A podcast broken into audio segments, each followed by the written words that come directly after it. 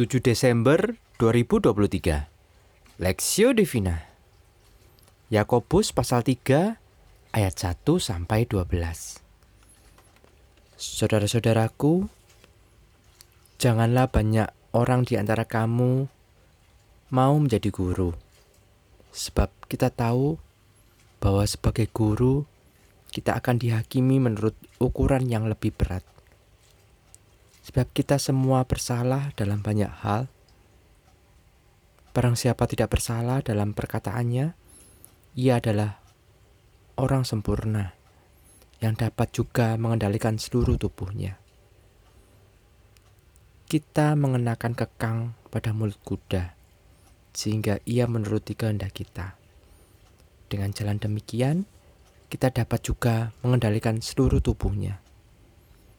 Dan dia saja kapal-kapal, walaupun amat besar dan digerakkan oleh angin keras, namun dapat dikendalikan oleh kemudi yang amat kecil menurut kehendak juru mudi.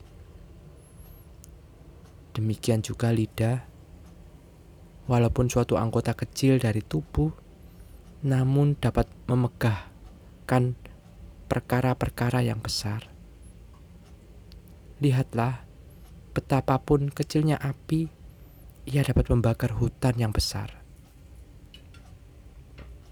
Lidah pun adalah api.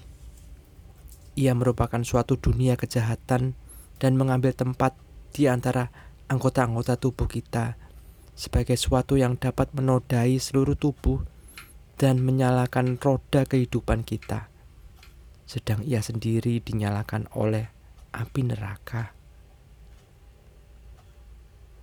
Semua jenis binatang liar, burung-burung, serta binatang-binatang menjalar dan binatang-binatang laut dapat dijinakan dan telah dijinakan oleh sifat manusia.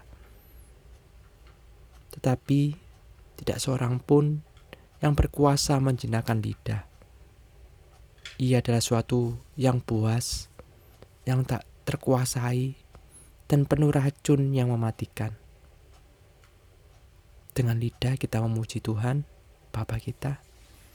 Dengan dengan lidah kita mengutuk manusia yang diciptakan menurut rupa Allah. Dari mulut yang satu keluar berkat dan kutuk.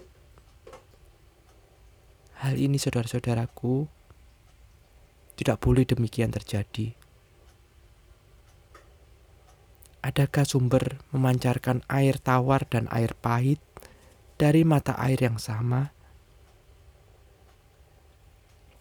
Saudara-saudaraku, adakah pohon ara dapat menghasilkan buah zaitun dan adakah pokok anggur dapat menghasilkan buah ara? Demikian juga mata air asin tidak dapat mengeluarkan air tawar. Lidah yang berbahaya perspektif. Sebab kita semua bersalah dalam banyak hal.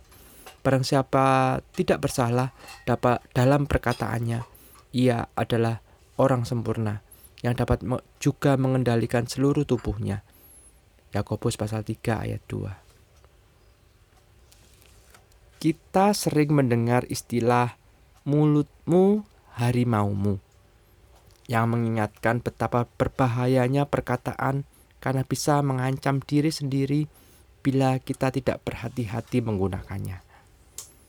Yakobus pasal 3 ini membahas secara gamblang tentang bahaya lidah. Penulis mengawali bagian ini dengan berkata, Saudaraku, janganlah banyak orang di antara kamu mau menjadi guru, sebab kita tahu bahwa sebagai guru kita akan dihakimi menurut ukuran yang lebih berat. Yakobus sedang menekankan tentang pentingnya iman disertai perbuatan, karena iman tanpa perbuatan adalah mati. Pada masa itu, banyak orang yang mengaku beriman, tetapi tindakannya tidaklah sesuai dengan imannya. Salah satunya dalam hal perkataan. Yakobus tidak melarang kita menjadi guru yang mengajar, membimbing, dan menegur. Namun, berhati-hatilah karena kita semua adalah orang berdosa yang sangat mudah jatuh dalam dosa lidah. Jangan sampai ketika kita mau mengajar, membimbing, menegur, tapi perkataan yang keluar dari mulut kita justru perkataan yang semena-mena, mencela, menghakimi, dan juga menghancurkan orang lain. Yakobus memberikan peringatan betapa bahayanya lidah itu dan betapa kita tidak berkuasa menjinakkan lidah melalui sebuah ironi yang sering kita ter, yang sering terjadi kepada anak-anak Tuhan, yakni muji Tuhan dan mengutuki orang lain dengan lidah yang sama. Yakobus mengingatkan bahwa hal demikian tidaklah boleh terjadi. Lalu bagaimana? Dalam ayat 11 sampai 12 disebutkan bahwa sebagaimana mata air tawar hanya memancarkan air tawar dan pohon arah hanya menghasilkan buah arah, maka sebagai anak-anak Tuhan, kita pun harus hidup melekat pada Tuhan Yesus yang adalah pokok anggur yang benar. Hidup melekat pada Tuhan Yesus berarti kita terus-menerus meminta Roh Kudus untuk menguasai dan mengoreksi hidup kita, sehingga kita tidak sampai berdosa dengan perkataan kita. Kita juga terus hidup dekat dengan firman-Nya dan membiarkan firman-Nya terus mengubah hati dan pikiran kita. Sebagaimana yang Tuhan Yesus katakan dalam Lukas pasal 6 ayat 45 bahwa orang yang baik mengeluarkan barang yang baik dari perbendaraan hatinya yang baik dan orang yang jahat mengeluarkan barang yang jahat dari perbendaraannya yang jahat. Karena yang diucapkan mulutnya meluap, meluap dari hatinya. Sudahkah hati kita ditaklukkan dan dipenuhi oleh Kristus?